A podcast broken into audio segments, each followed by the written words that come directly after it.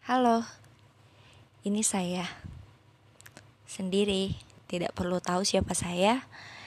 Yang jelas, pada podcast kali ini saya rasa akan sedikit dramatik, tapi ya memang begitu keadaannya. Sebelum mulai, ada yang ingin saya sampaikan. Kata-kata yang terlalu sering terngiang di kepala saya yaitu dalam mencintai kamu. Saya pernah menjadi orang sehat yang tuli. Saya pernah menjadi orang sehat yang buta, dan bisa jadi saya akan menjadi orang sehat yang lumpuh. Mengapa demikian? Karena bersama denganmu membuat saya melakukan segalanya. Tidak mengenal rasa sakit, tidak mendengar orang lain, juga tidak mendengar diri saya sendiri. Saya memang salah dari awal, karena kamu selalu bilang bahwa kamu tidak pernah berhubungan jarak jauh jarak akan menjadi penghalang di antara kita. Tapi saya selalu berusaha menguatkan bahwa jarak takkan pernah mengalahkan kita. Memang kamu dan aku terus terjalin. Tapi kamu dan dia dan mereka wanita itu dan yang lainnya juga terjalin. Kamu bilang saya utama. Tapi untuk apa menjadi utama bila masih mempunyai ranting?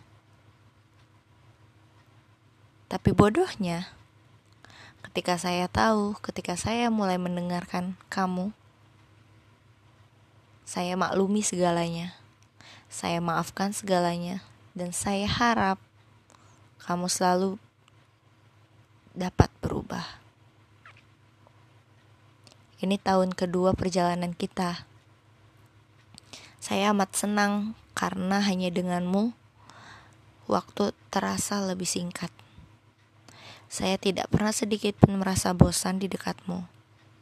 Karena memang untuk dekat denganmu minimal satu kotak kalender saya butuhkan. Ya, satu bulan sekali kita bertemu.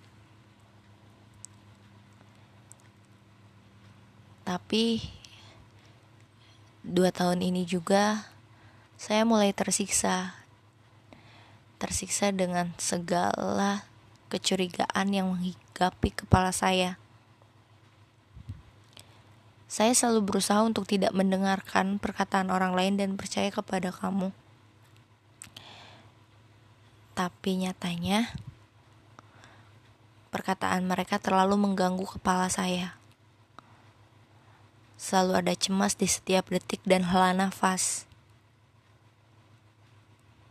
Tapi saya selalu berusaha untuk tidak ragu.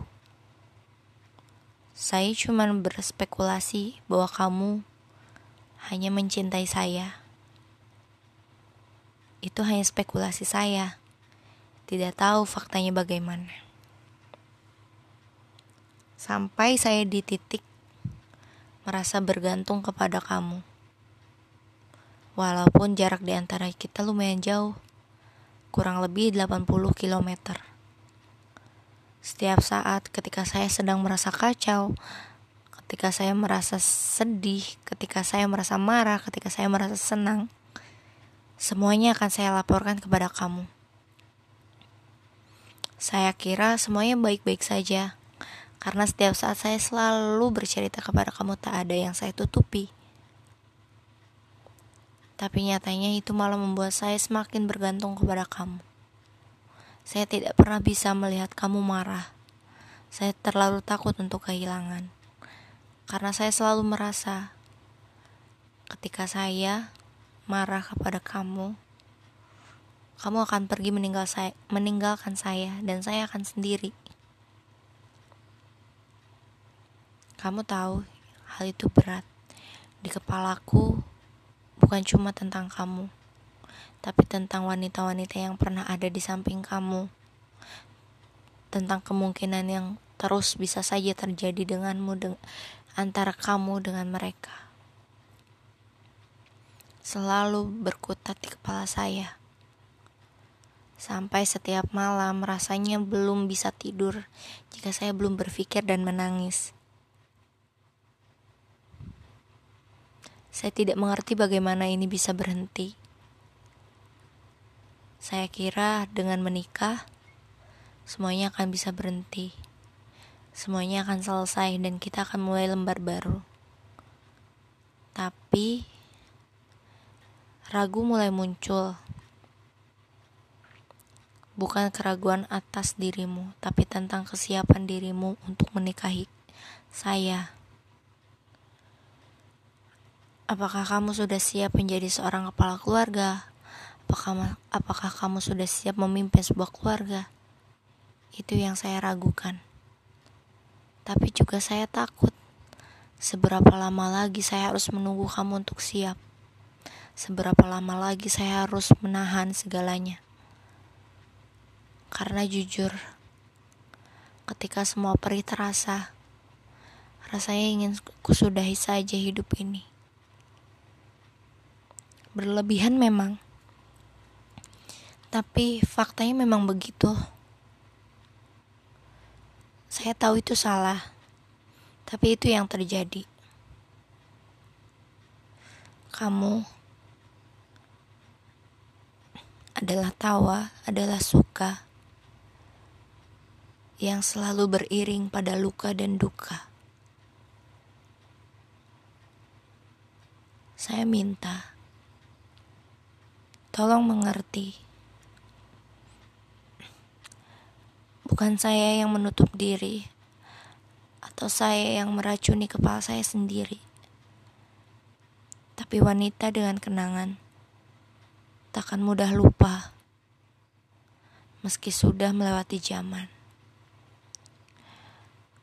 Semua detik, semua rekam, semua bayang selalu terputar di kepala saya karena semua hal itu berhubungan dengan kamu.